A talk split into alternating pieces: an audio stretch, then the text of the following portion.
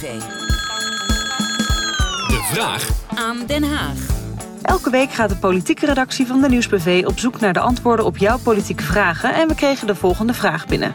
Ik ben eh, Jan Leenders uit Weert en ik heb een vraag.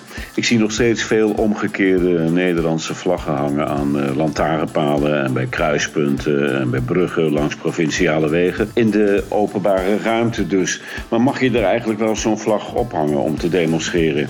Iets anders is uiteraard een vlag op eigen erf, weiland of akker. Deze keer ben ik niet naar de Tweede Kamer gegaan, want het lokale bestuur gaat hierover. Daarom heb ik gebeld met de burgemeester van Assen. Marco Wout, goedemiddag. Goedemiddag. Nou, ik kan me de vraag heel goed voorstellen, want we hebben heel veel vlaggen in de openbare ruimte gezien en zien ze nog steeds. Ja, met En dat name is natuurlijk- provincie, toch? Ja, je merkt ja, hoe, hoe, hoe meer platteland er in de provincie is, des te meer vlaggen we de afgelopen maanden hebben gezien. Dat geldt voor Drenthe, maar ook voor Gelderland, Overijssel. En in de openbare ruimte is dat natuurlijk eigenlijk niet de, de bedoeling. Als iedereen dat zou gaan doen, wordt het toch een behoorlijke rommelpot. Ja.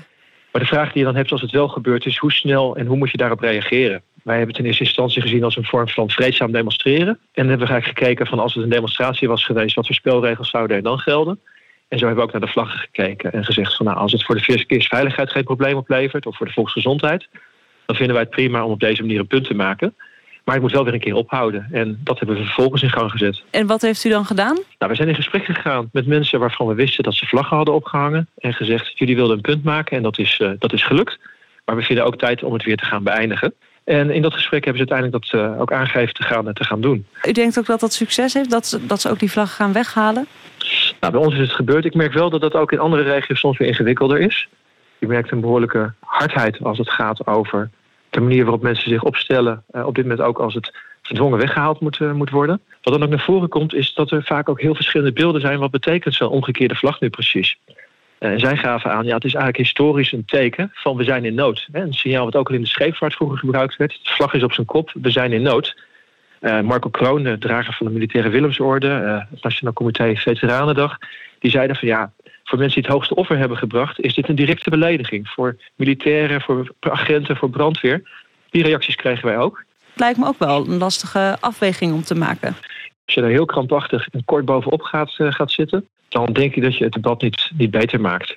In gesprek gaan dan met de mensen die het punt willen maken, is volgens mij een veel betere manier dan heel rigide te zeggen: het is niet de bedoeling, dus we halen het gelijk maar weg. We hebben in ieder geval in, in Drents verband ook met eh, de twaalf Drentse burgemeesters en ook met de provincie hebben daar uiteraard over gesproken. We hebben toen wel gezegd: ga vooral kijken hoe je dat lokaal aanpakt.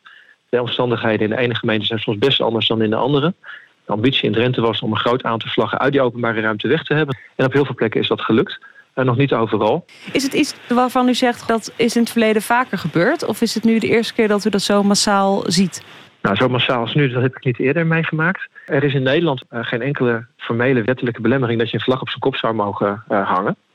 Eh, er zijn landen zoals Amerika waar dat anders geregeld is. En je dus eigenlijk ook gelijk formeel in overtreding bent. Dat geldt nu alleen voor sommige vlaggen met bepaalde uitingsvormen. Wat je bijvoorbeeld ziet met vlaggen die naar de Tweede Wereldoorlog verwijzen.